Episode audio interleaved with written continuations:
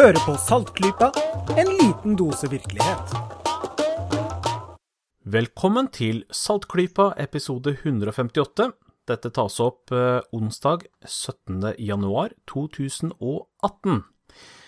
Nå hører du Jørgen, og med meg i dag er jeg så heldig å ha Lisha. Hallo, hallo. Jeg har Marit. Hallo, hallo.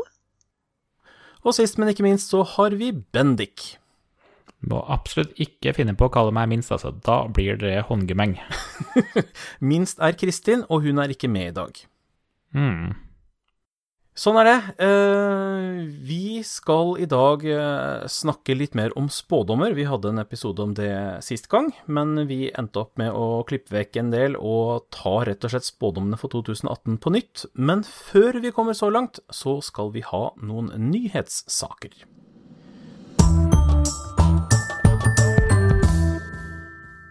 Og Marit, du har eh, vært litt i media og vært litt uh, irritert. Kan du fortelle litt om det? Jeg har nylig tenkt at jeg skulle begynne å høre litt mer på morgenradio. Så første dagen da jeg skulle høre på morgenradio igjen, eh, etter ganske lenge uten morgenradio, så hører jeg på P2 Nyhetsmorgen, som jeg syns er et kjempefint eh, program, så man får med seg hva som er de aktuelle sakene for dagen. Og tror du ikke jeg etter omtrent åtte minutter fikk kaffen i vrangstrupen? For da hørte jeg følgende ord. Opplest av eh, NRKs nyhetsoppleser. I går hørte vi at årets influensa har nådd sin topp. I dag kan vi melde at sunn tarmhelse er mer forebyggende mot influensa enn selve vaksinen. Det sier i alle fall kostholdsekspert Margit Vea. Og så sa han at eh, Ja. em, medisinske eksperter er kanskje, eller sier det kanskje ikke er like enkelt. Men like fullt, jeg fikk jo ganske krutt under Ja, krutt i toppen, da. Fordi sånt kan man jo ikke si. Ikke at det er moralsk eh, Nei, sånn kan man ikke si. Fordi det er jo simpelthen galt. Vaksine er det viktigste du kan gjøre for å forhindre influensa.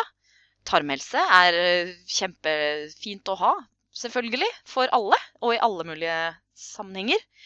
Eh, alle helsesammenhenger. Men å ha det som hovedoppslag eh, for en nyhetssak, det syns jeg bare var for galt. Så jeg skrev et sint Facebook-innlegg. Trasket av sted til jobben, og så omtrent eh, lunsj så hadde det blitt plukket opp av Aftenposten, som gjerne ville ha en, en eh, pusset på versjon til, til sine meningsspalter. Og jeg kritiserer da NRK primært fordi det fins jo mennesker som mener eh, sånne ting. Og det er kritikkverdig, det òg. De har ikke nødvendigvis eh, godt belegg for det de mener. Men det verste var egentlig at det var, liksom var NRK også i et nyhetsprogram. Nyhetene skal jo liksom oppsummere hva man vet om det som skjer. Og, og Mhm. hvis du liksom hørte gjennom innslaget, så hørte du at den røde tråden som redaksjonen liksom snakket om, var jo egentlig influensa. De snakket om hvor mange som har blitt syke i år. Det er et veldig høyt antall som har dødd i år. Og de snakket om at toppen er nådd, men eh, den pågår fremdeles. Så vær obs på det. I går, eller dagen før, så var det jo da at toppen var nådd, men du burde fortsatt ta vaksinen. ikke sant? Og i dag så var da den informasjonen om at influensa fortsatt pågår, pakket inn i du må nå heller passe på åssen tarmen din har det. Så etter den introduksjonen så blir det da i innslaget kutta til hun Margit Vea sitt kurskjøkken, hvor det kokes kraft på bein. Og hun snakker om nytten av fermenterte grønnsaker og vannkefir og nøttebrød.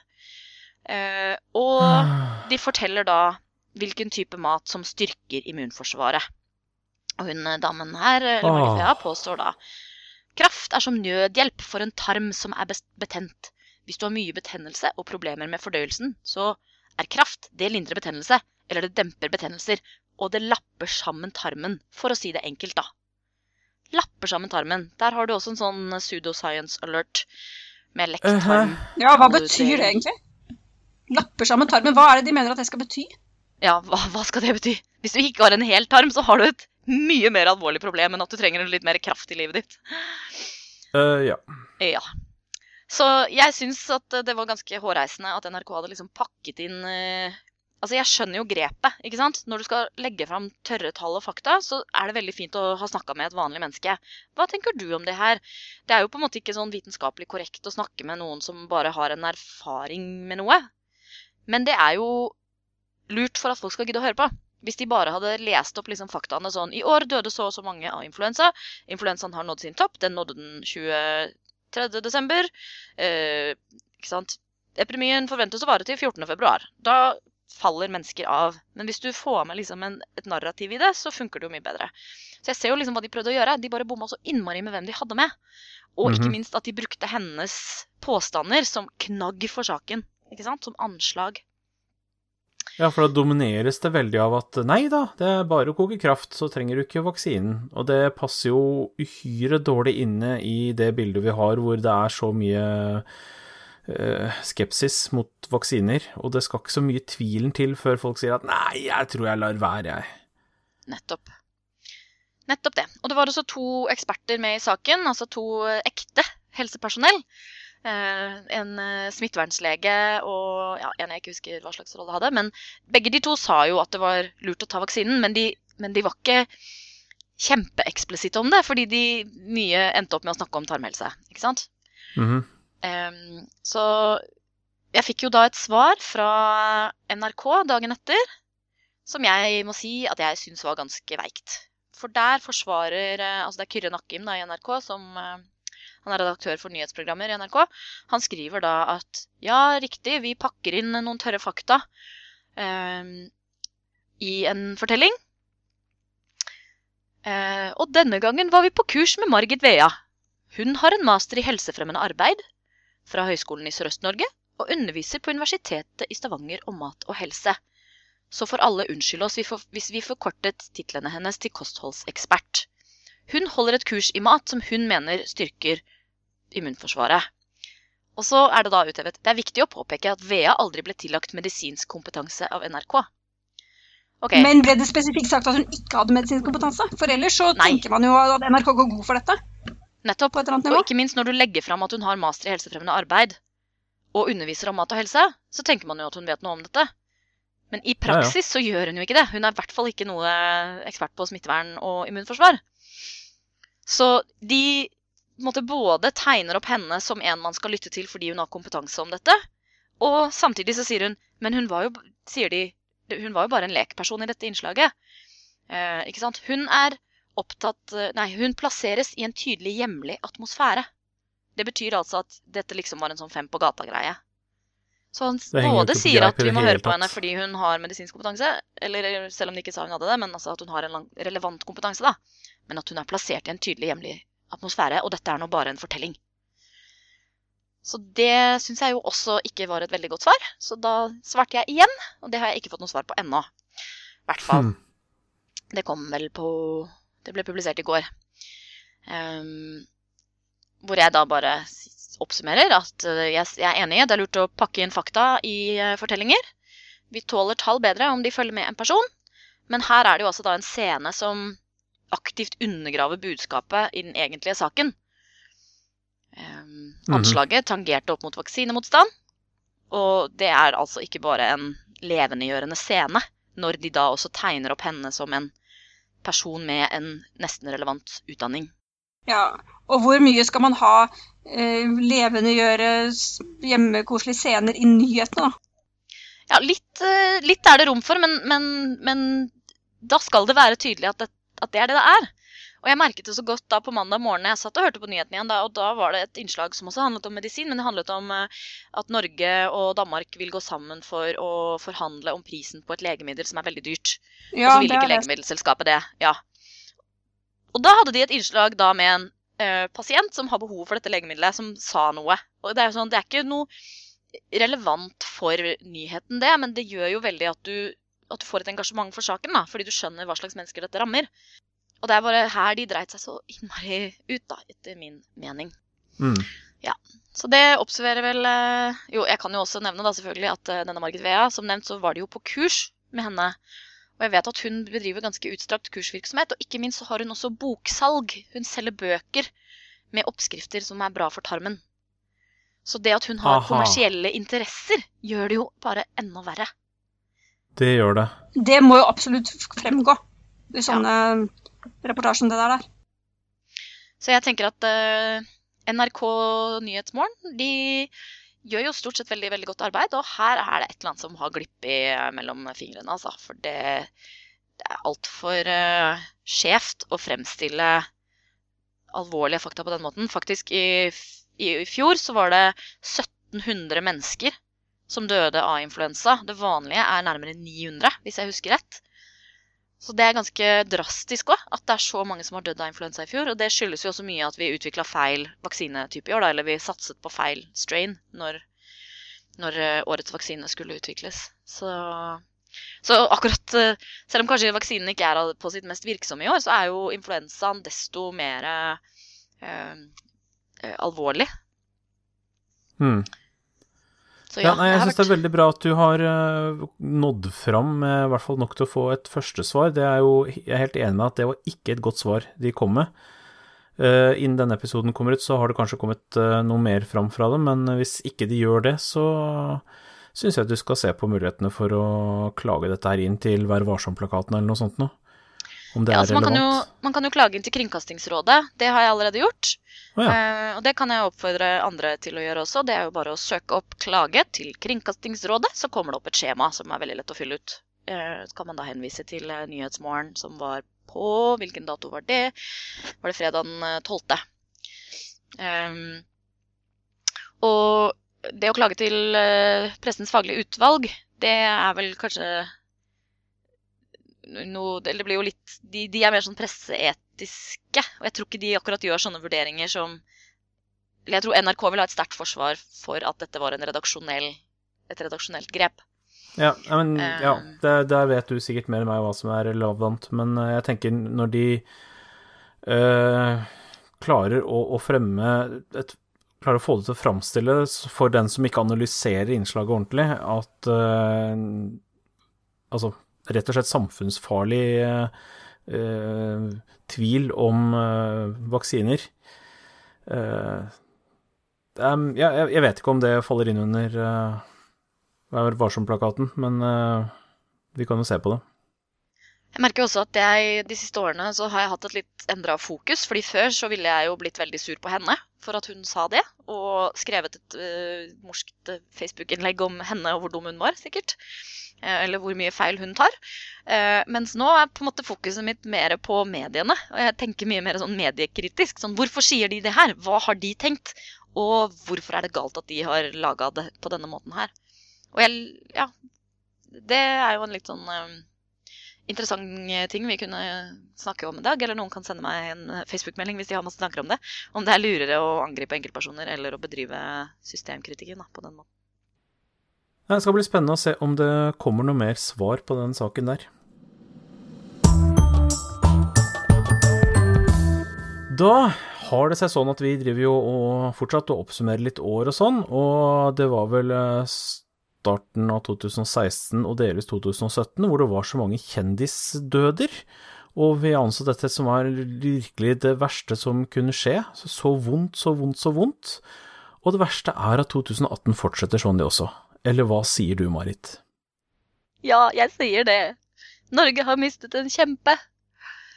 Uh, jeg vil gjerne lese opp, uh, for dere kan jo bedrive litt grann, uh, jobbreklame da, for min jobb i Store norske leksikon. Fordi um, da jeg begynte der i våres, så kom jeg fort over en artikkel som har vært en intern favoritt i leksikonredaksjonen ganske lenge, og det er artikkelen vår om Paul Spilling. Paul Spilling døde dessverre i går, tirsdag 15. januar, eh, i en ganske fremskreden alder. Han ble født i 1934. Og han er jo kanskje ikke et sånt uh, husholdningsnavn, men han har også hatt ganske mye å si for Norge. Uh, jeg kan jo lese de første setningene. Paul Spilling var en norsk fysiker, informatiker og internettpioner.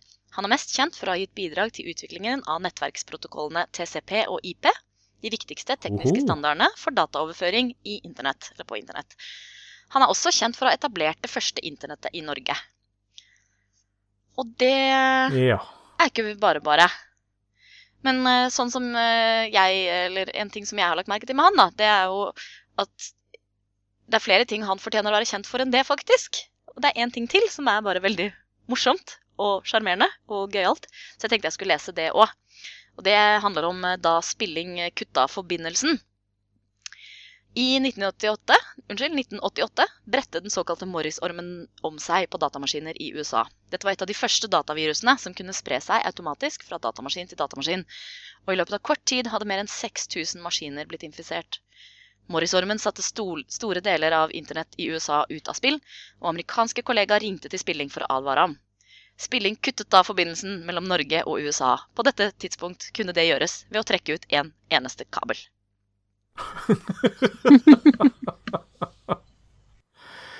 Ja. Det er faktisk ikke så mange kabler som skal trekkes ut uh, for å koble oss av hele omverdenen i dag heller. Nei. Det går, det går gjennom ganske få kabler. Ja, gjør det det? Ja, jeg tror det er uh, Jeg tror det egentlig bare er én som går til USA, og én som går til Sverige, og én som går til Amsterdam. Jeg tror det er tre kabler som uh, forbinder Norge med omverdenen. Jeg føler jo de, de Sånn inni hodet mitt så er jo de så store som uh, uh, Ja, et enormt rør som man kan svømme i, liksom. Ja, altså, det er, det er seriøse kabler, det, det er jo ikke det, men, men sånn fra nettverkstopologisk perspektiv så har vi, uh, tror jeg, men, men vil jeg påstå at det er tre, tre koblinger ut av landet. Wow. Og så en saksopplysning er at uh, artikkelen vår om uh, Pål Spilling eh, også naturligvis inkluderer faksimile fra Aftenposten i 1988, dagen eh, etter eh, at han hadde kuttet forbindelsen, med overskriften 'Forhindret norsk datakatastrofe'. Og han står da med den relevante pluggen i hånda og en 1988-relevant hårsveis.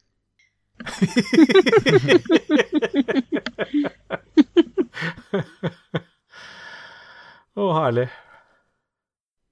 Ja, jeg bare syns det var verdt å nevne. Det er sånne fine, små gullkorn i historien. Eh, Det er fint å ta vare på. Ja, og så skal vi hedre folk som eh, de fleste kanskje ikke har eh, hørt om, men som har vært veldig viktige bak i kulissene med forskning og utvikling av teknologi. Supert.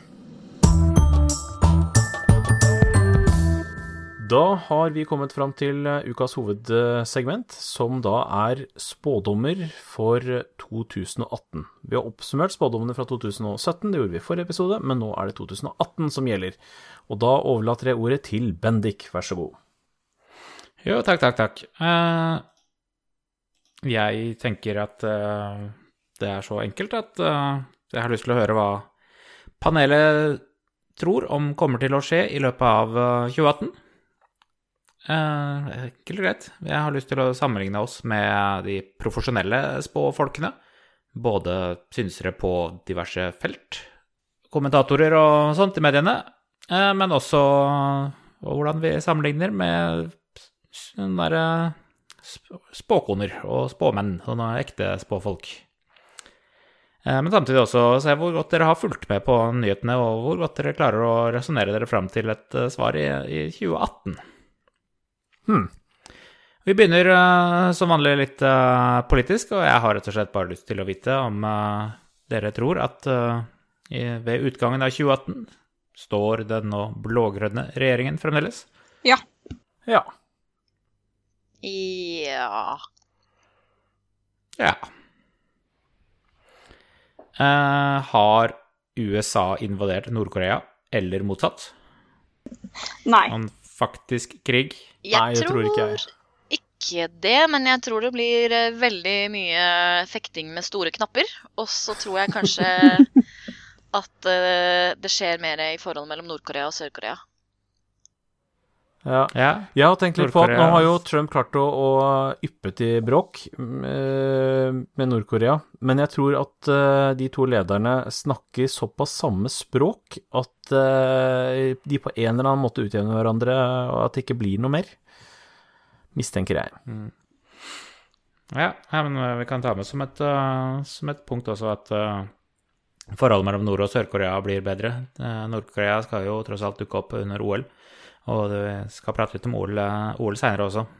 Nord-Korea har ikke noe tradisjon for selvmordsbombere eller noe sånt nå. Nei, det de har tradisjon for, er å eh, spionere. Eh, de har eh, kidnappet folk fra diverse land hvor folk ser ut som nordkoreanere. Og de har blitt tvunget til å undervise i skoler eh, hvor de skal lære folk å oppføre seg ja, normalt, da, siden nordkoreanere pga. måten de lever på, og hvor lite de vet om omverdenen, så er de jo veldig rare. Så det er opp, selvfølgelig folk fra Sør-Korea hovedsakelig, men også kinesere, i hvert fall én thailandsk person, har blitt kidnappet og tvunget til å lære nordkoreanere hvordan passere som sørkoreaner. Og så har disse reist av gårde for å spionere. Det er den tradisjonen de har. Og det, det er ganske Ja, det er ikke noe bra. Men uh, den spioneringen, altså hvis du drar på OL med hensikt å spionere, så får du jo bare med deg verdiløse tall i bagasjen, gjør du ikke det? Ja, de tallene tror jeg du kan finne ut av på andre måter enn å spionere.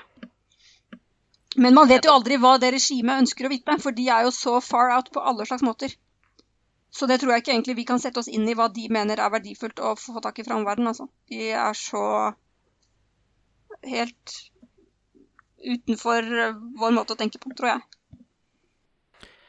Eh, vi holder oss litt i, eh, i USA, siden det ikke skal foregå noe spennende politisk eh, i Norge i, i 2018. Eh, hva spår dere at resultatene ved midterm-valgene i USA i november 2018 kommer til å gå? Major backlash For hvem? for republikanerne. Jeg tror de, jeg tror de mister huset og senatet. Jeg tror det blir kjempebacklash.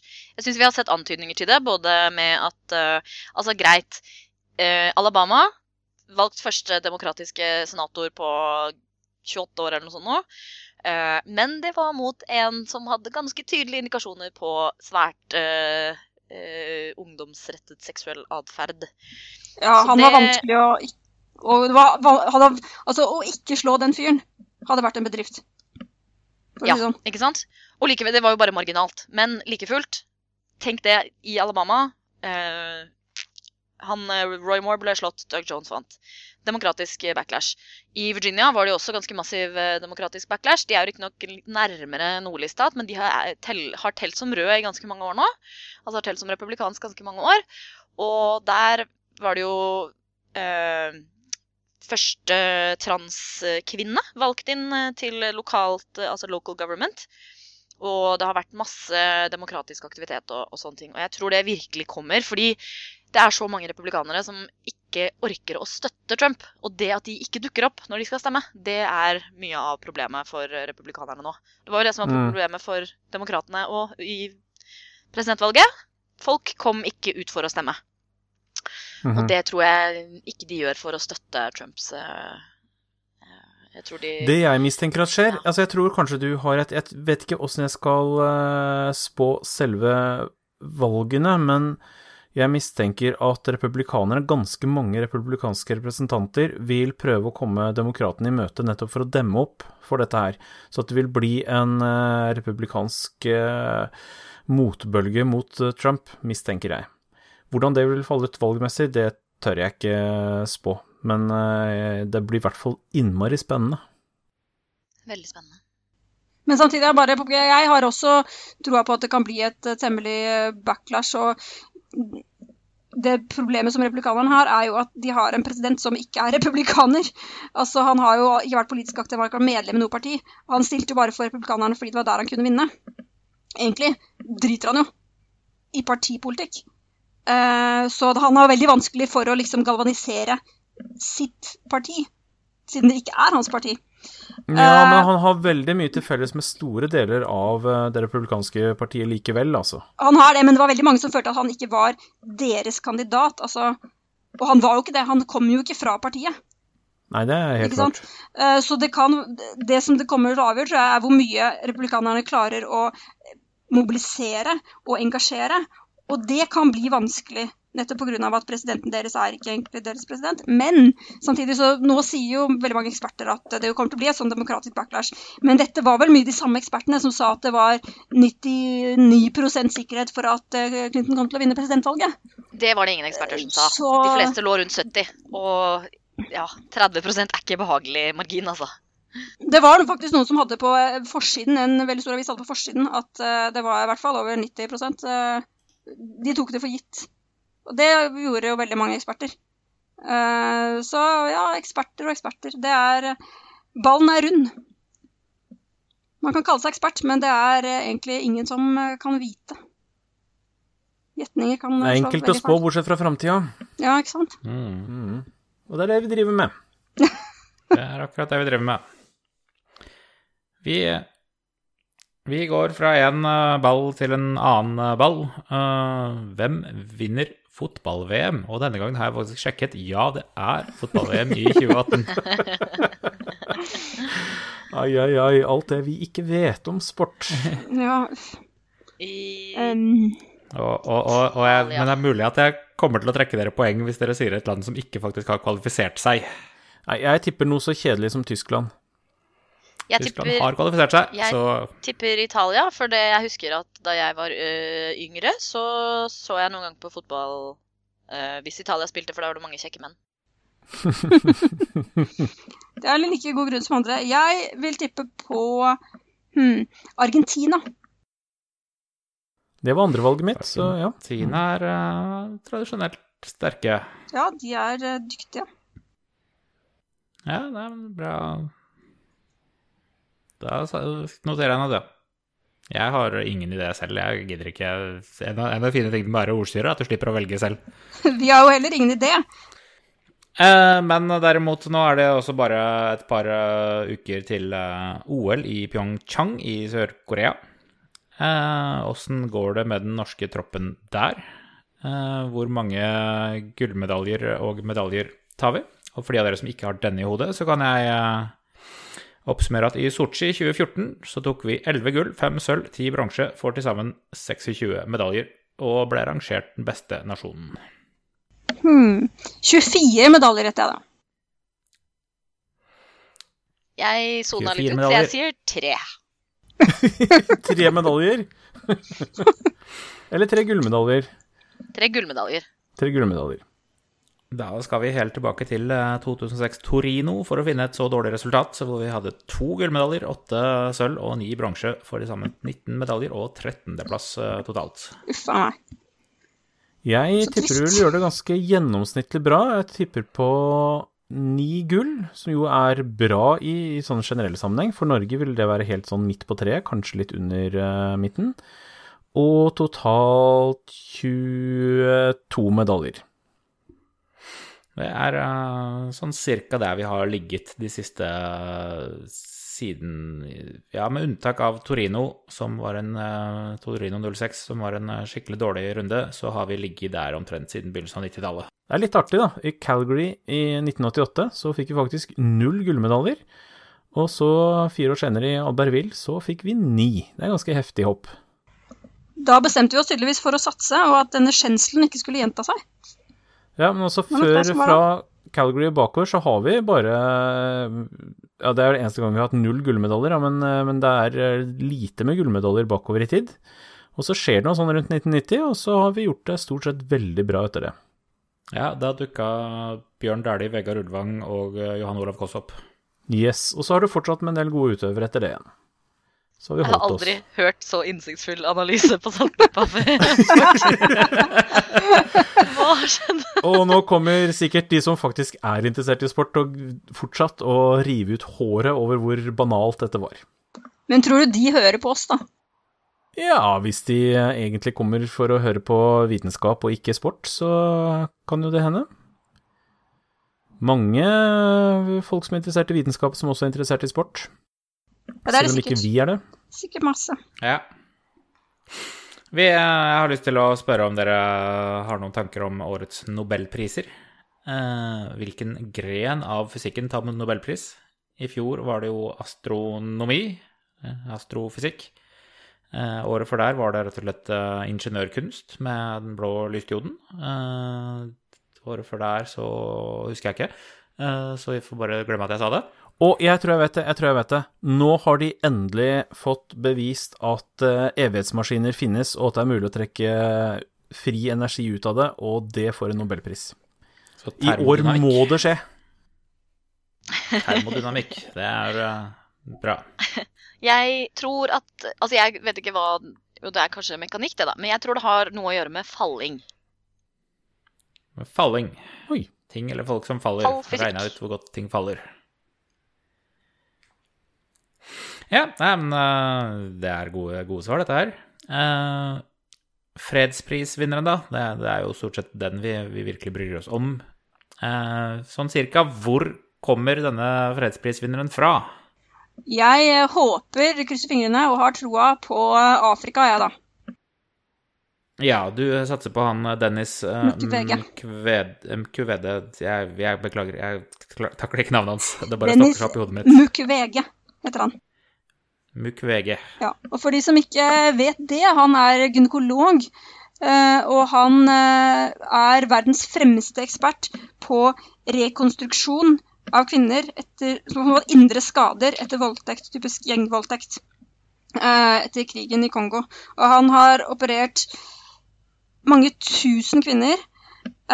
Og han begynte å ikke bare operere, men også kjempe politisk for å få satt fokus på dette med voldtekt som krigsvåpen, etter at han opplevde å få inn pasienter, og da sant, små sju-åtte år gamle jenter som trengte hjelp fra ham. Og når han gro litt i saken, fikk vite at han hadde operert mor til denne jenta og mor til henne igjen. For akkurat samme, eller samme tilsvarende skader, da, etter, skader etter tilsvarende overgrep. Og da innså han at det her kan jeg ikke bare jeg kan ikke bare operere og hjelpe disse kvinnene. Jeg må gjøre noe mer. Og han har blitt eh, nesten drept pga. arbeidet sitt. Vært tvunget i eksil, men han har reist tilbake. Han har fått Sakharov-prisen. Han har vært nominert til Nobels fredspris hittil tre ganger. Uh, og jeg mener at uh, han fortjener det så mye at han før eller senere så kommer han til å få det. Og jeg vil bli superhappy om 2018 blir det året. Det blir stort.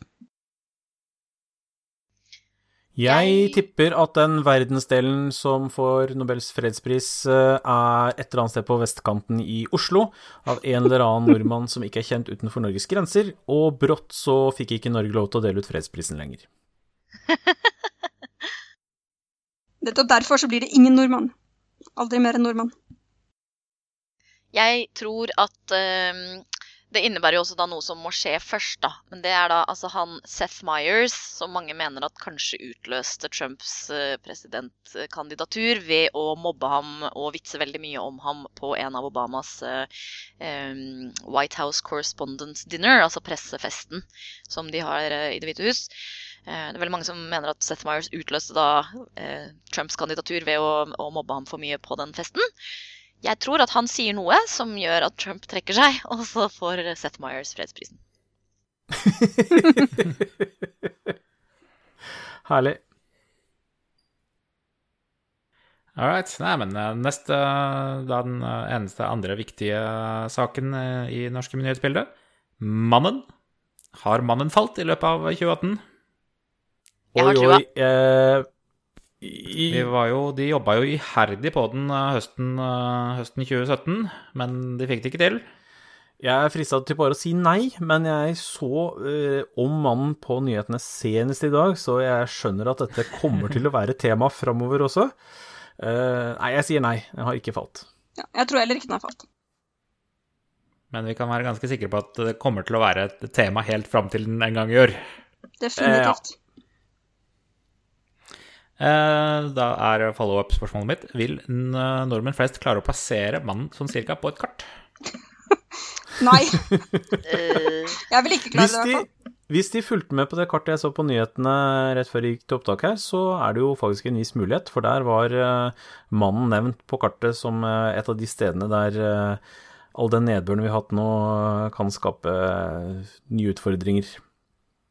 I hvert fall for de av dere som har lyst til å briljere. Mannen ligger i Rauma kommune i Møre og Romsdal. Yep. Sånn, da vet dere det. Jeg vet ikke hvor Rauma er.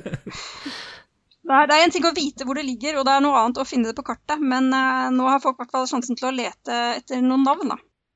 Uh, når det kommer til uh, skepsis eller især kosthold, eh, hva blir det neste teite, idiotiske kostholdstipset eller idiot, teite ting som folk gjør, à la raw water, som vi prata om eh, siste episode?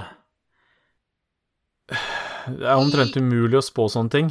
Det er jo hva, hva teit folk kommer opp med. Altså, Åssen skal man kunne klare å forutsi det? Vi nevnte ikke dette her eh, sist, jeg glemte å nevne det, men, eh, men vet dere prisen på raw water? Sikkert avsindig mye. Ja, det er vel egentlig alt man behøver å, å vite. Eh, men hva er vel prisen på- for noe som er så sunt, ikke sant? Det Du kan jo ikke sette en eh, pris på prisen på raw water er oppimot 70 dollar per gallon. Å, Eh, herregud. og en gallon er eh, sånn ca. fire liter. Herregud. Så vi prater eh, 100 kroner literen for eh, raw water. Ai, ai, ai, ai. Og vann i springen, hva koster det her i Oslo? Det koster to øre per kubikkmeter eller noe sånt? Ja, vi betaler vel omtrent ikke for det, så Altså, jeg, jeg har to Nei, jeg lurer eh, på om uh, råmilk, altså råmelk, eh, kommer til å få et oppbluss i Norge. råmelk kommer tilbake. Altså, jeg, jeg så bare et klipp eh, på, på Facebook i stad som jeg eh, tror blir en het potet uh, neste år, og det er uh, Du mener dette året? Ja, unnskyld, 2018. Mari, du mener Mouth cooking? dette året? Ja, jeg mener dette året. Ja, Mouth mouth cooking. cooking. Ja, mouth cooking. Hva i alle er dager Hva, er det? hva, hva, er, hva er mouth cooking? Altså, Nå fikk jeg jo ikke sett på en måte originalen, så jeg vet ikke om det fulgte noen helsepåstander med det her, men jeg kan jo gjette på at det følger noen helsepåstander med. Fordi som kjent så begynner jo fordøyelsen allerede i munnen. Eh, det betyr at når du tygger på noe, og spyttet ditt når eh, matvarene, så begynner jo enzymer i spyttet ditt å bryte ned stivelsen.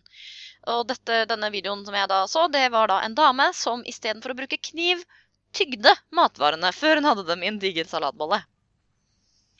Ah. Oh my. Yes. Mouth cooking. Hun varmet også opp smør i munnen sin før hun puttet det i en gryte. Hun skulle lage stuffing, og hun blandet et egg før hun blandet det oppi løk og gulrot og sånn, som hun hadde hakket med munnen. da. Eh, og så sa hun eh, Og så hadde hun da et hvitløksfett i munnen som hun tygget opp og, og spyttet i salatbollen som da skulle bli til stuffing. Og så sa hun at eh, the, the garlic is really hard, it's very strong, but it's really good for your health. Dette her er altså noe hun serverer til andre mennesker? Ja, den skulle vel stekes, da, men noe sier meg Ja, at dette og da så. kanskje var en vits. Kanskje. Vær så snill, la det være en vits. Men uh, altså, jeg, jeg, jeg har har i hvert fall nå lært at hvis jeg har lyst til å bli singel, så er det bare for meg å begynne med det. hashtag lifehack. Jeg har jo uh, sett uh, Jeg har sett en ting til, jeg, som jeg tror at kommer til å slå an i år. Eh, det er jo litt juks, da, for det har jo vært rapportert om i mediene, ikke sant. Men det er da Dagbladet som melder eh, under vignetten 'Diett i 2018'. Overskrift 'Ekspertene er enige'. Snakkisdietten er enkel og får deg ned i vekt. Dette er lovende, ikke sant? Her har vi eh, neste Mhm. års Dette, dette er bra saker. Hemmeligheten Dette er bra. Hemmeligheten med å legge om kostholdet er varige endringer. Og ekspertene hyller oh. den store nyheten i 2018, står det. Ok, nå skal jeg lese hva det er. Følgende kostholdsråd oppsummerer 2018-dietten. Ha et variert kosthold med mye grønnsaker, frukt og bær, grove kornprodukter og fisk, begrensede mengder bearbeidet kjøtt, rødt kjøtt, salt og sukker. Hva tror dere? Ja, det er de det vanlige kostholdsrådene, dette her. Det er snakkisdietten, da. dette var helt nytt. Men dette her, er, dette her er jo faktisk en kjempegod vinkling, da, vil jeg si. Å ta det som genuint er ordentlig gode råd og, og tips, og bare prøve å rebrande det som noe hett og nyskapende og trendy. Så kanskje de får det til å slå rot.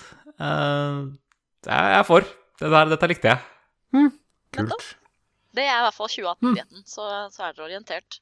Uh, når det kommer til uh, siste, til siste temaene mine, kultur og zeitgeist.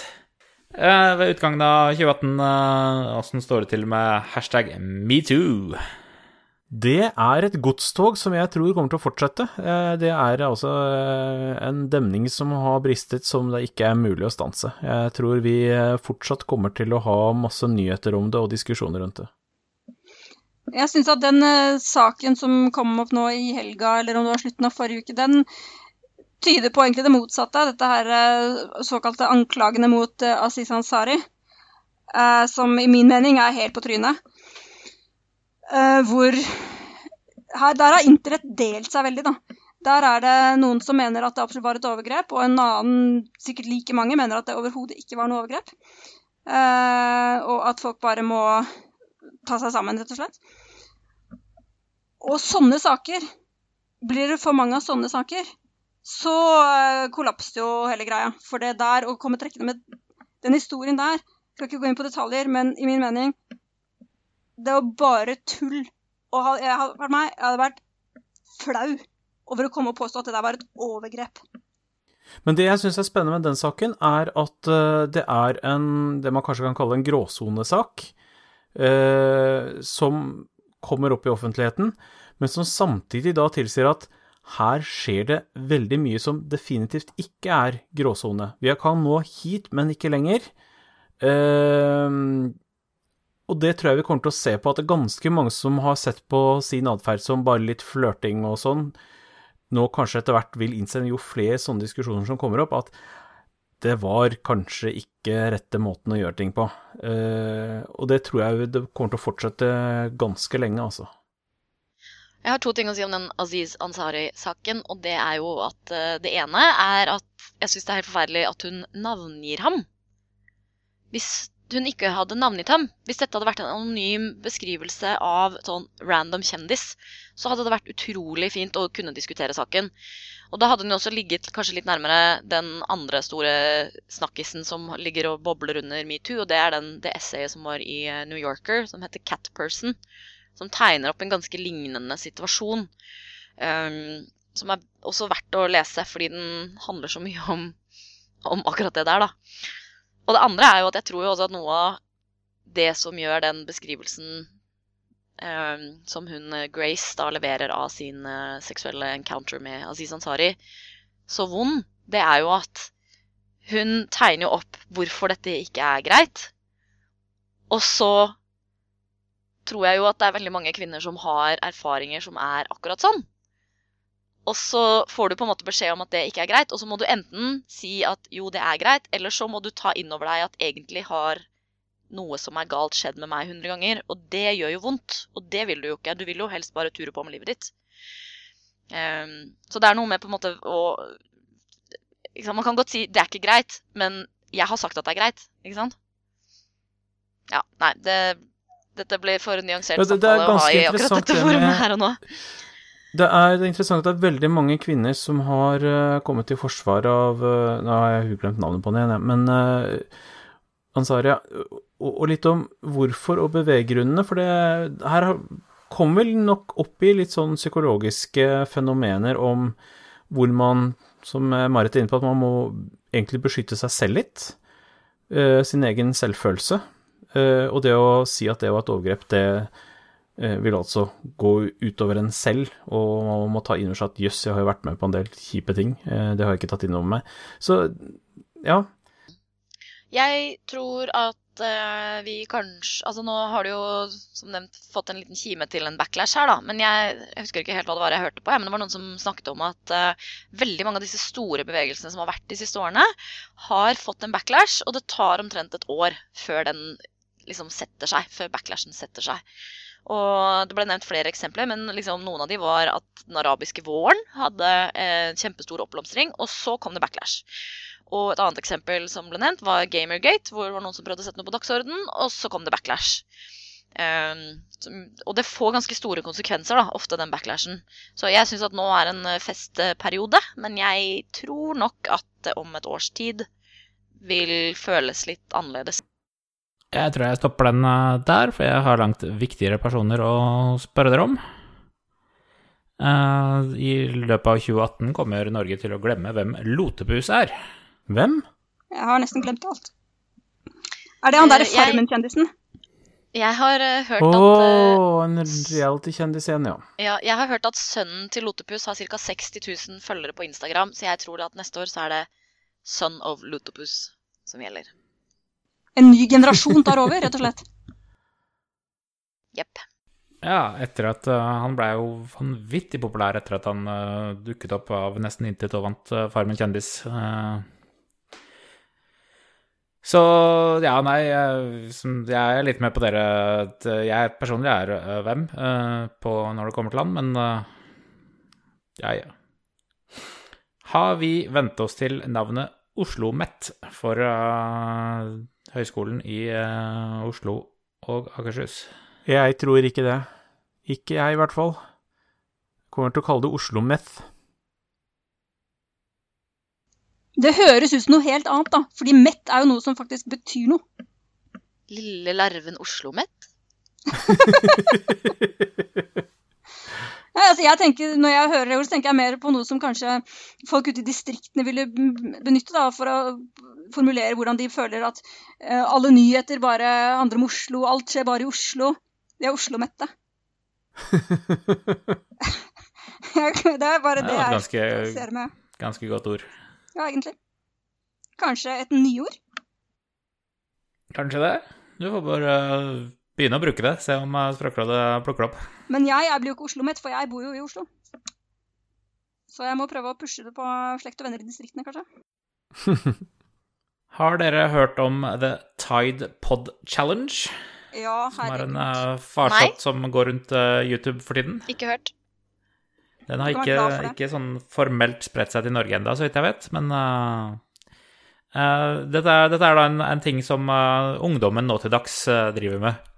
Eh, Tide er et eh, vaskemiddelmerke. The Tide Pod Challenge er at man tar en eh, sånn derre dosekapsel med vaskemiddel, putter den i munnen og biter. Oh, Og så filmer man dette og legger det på YouTube. Uff a meg. Eh, og jeg vet ikke om dette er tidens tann, at, at vi faktisk må si til ungdommen nei, ikke putt vaskemiddel i munnen. Hva? Putte vaskemiddel i munnen? La meg prøve.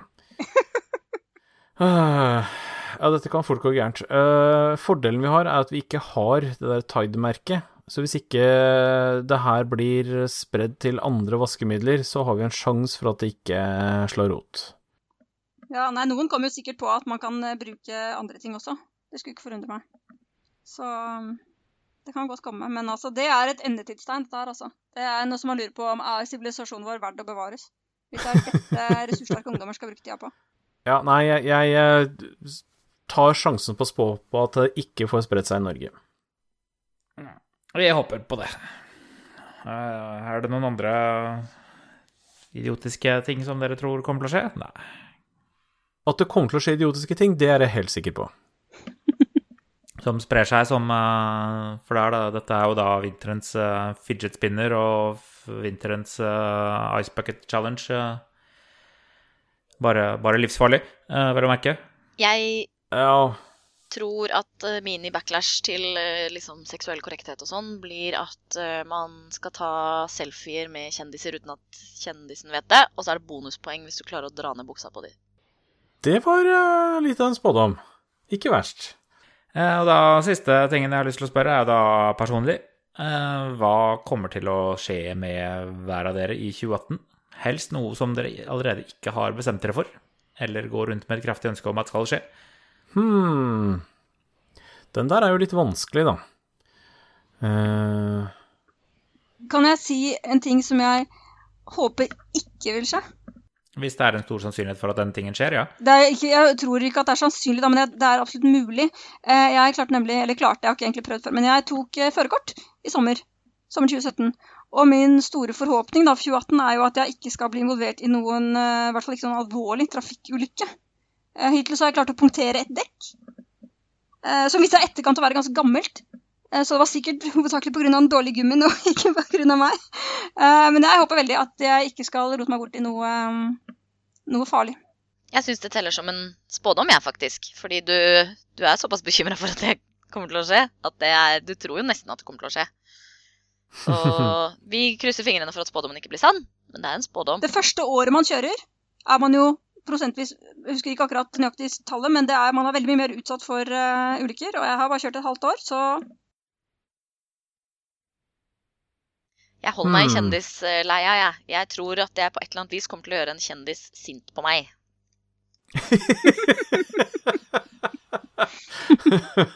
det er vel ganske høy sannsynlighet for, er det ikke det?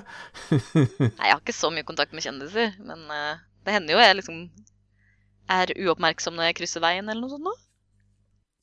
Hmm. Vi hadde jo den der forhåpningen eh, for, eh, for et par år siden når du eh, var på Debatten på NRK at Chartersvein skulle få en feide med deg, men Jeg kaller ham fortsatt ikke. min nemesis, men jeg tror ikke han kaller meg sin nemesis. mest sannsynlig ikke. Og det er jo en litt trist, trist nemesis å ha, egentlig. Det er ikke så veldig mye futt i den. Hmm. Nei, jeg, jeg har ikke klart å komme på noe Et eller annet, jeg. Uh, hva skulle det være? Uh, Du får en bolle spagetti i fanget. oh, jeg kommer til å være vitne til en ulykke. Som ikke vil involvere meg på noen som helst slags måte. La oss håpe det. Ja, men da sier jeg meg fornøyd med årets spådommer for 2018. Skal ikke du ha en spådom om deg selv, da? Ned uh, Skal ikke du ha en spådom om deg sjøl, da? jeg? Jeg, Jeg syns det. igjen. kunne ikke jeg, kunne ikke jeg slippe det, ja? Nei. Nei, kom igjen, Bendik. Uh, jeg tror at jeg kommer på TV igjen i 2018. Jaså, jaså. Uh, Nei, det, det, det vet jeg for så vidt kommer til å skje, så det er ikke noen Det er ikke noen eh, spådom, altså. what? Det er ikke noen, eh, noen, stor, noen stor drama. Uh, eller jeg regner med det kommer til å skje, da. Uh. Hvil- Hvilken hva er, det, hva, er det, hva er det reality-TV skal fikse for deg denne gangen? Nei, det er ikke det. Det skal bare Eh, De har vært de, For noen måneder siden så var de hjemme hos oss og filma en oppfølgingssegment til eh, Boligjakten. Ah. Så det er at uh, reality-TV har fikset uh, noe for meg uh, for ett år siden allerede. Uh, og så skal de se om det fremdeles funker. Jaså. Akkurat. Skjønner. Gøy. Eh, men eh, Men jo, la oss, eh, la oss spå at jeg kommer til å bli påmeldt et, uh, et realityshow til. Uten, at jeg, uten at det er jeg som uh, melder meg på selv. Hmm. Luksusfella? Det skal bli spennende å se. Det blir jo ikke spennende hvis han ikke har masse trøbbel og er kjempeflau over det. Det er jo det vi vil se på luksusfeller. Ja, det ville vært, ville vært skikkelig teit hvis, uh, hvis de der uh, luksusfellefolka kom, og så så de økonomien min, og så bare Dæven, du har jo masse penger på bok, jo, og ikke noe gjeld. Hva er det som er gærent her, da? Derfor ville de aldri komme til deg. Du blir nektet som Ja. kandidat. Jeg syns uh, hvis eh, Luksusfellen eh, tror jeg ikke er et, er et problem for Nei, Hvis det er greit for Bendik, så, så kan jeg fortelle en ting som han sa til meg for en stund siden. og det, er- Han er jo ganske flink å trene, faktisk. Og de, em, jeg syns det var veldig imponerende at han ikke minst hadde betalt veldig mye også for å få personlig trener til ganske jevnlig oppfølging. Og da sa Bendik som så at ja, men jeg vet det at hvis det er én ting jeg hater mer enn å trene, så er det å ha sløst penger. sånn at det er bedre Ja, å bare det er eneste måten jeg kan eh, Jeg gidder å gå og trene på, det er å ha, allerede ha betalt for PT-en min. Fordi det er verre for meg å betale for en PT som jeg ikke bruker, enn å gå og slite meg selv ut i en time. Da har du i hvert fall fått det for penga. Veldig bra. Ja, nei, men da er vi ferdig med spådommene for eh, 2018. Så skal det bli spennende å høre resultatene eh, når vi eh, kommer til neste år igjen. Da begynner det å nærme seg tida for å slutte av, men eh, før det så har vi en anbefaling fra Marit. Ja! Jeg tenkte at jeg kunne anbefale en eh, bok som lanseres i disse dager fra Humanist Forlag. Eh, Det skal være boklansering i morgen, og jeg skal være ordstyrer, så derfor bryr jeg meg litt ekstra om den boken. Eh, Jeg har lest den ferdig i dag, og den heter altså 'Bra mat hva forskningen forteller oss'. Og det jeg tenker er at den fyller egentlig et ganske stort hull i liksom matboklandskapet. Fordi det fins jo masse bøker om sånne trenddietter og om tarmer og om det ene og det andre som man putter i munnen. Men det er jo veldig få bøker som egentlig bare oppsummerer det som faktisk er forskningsbasert.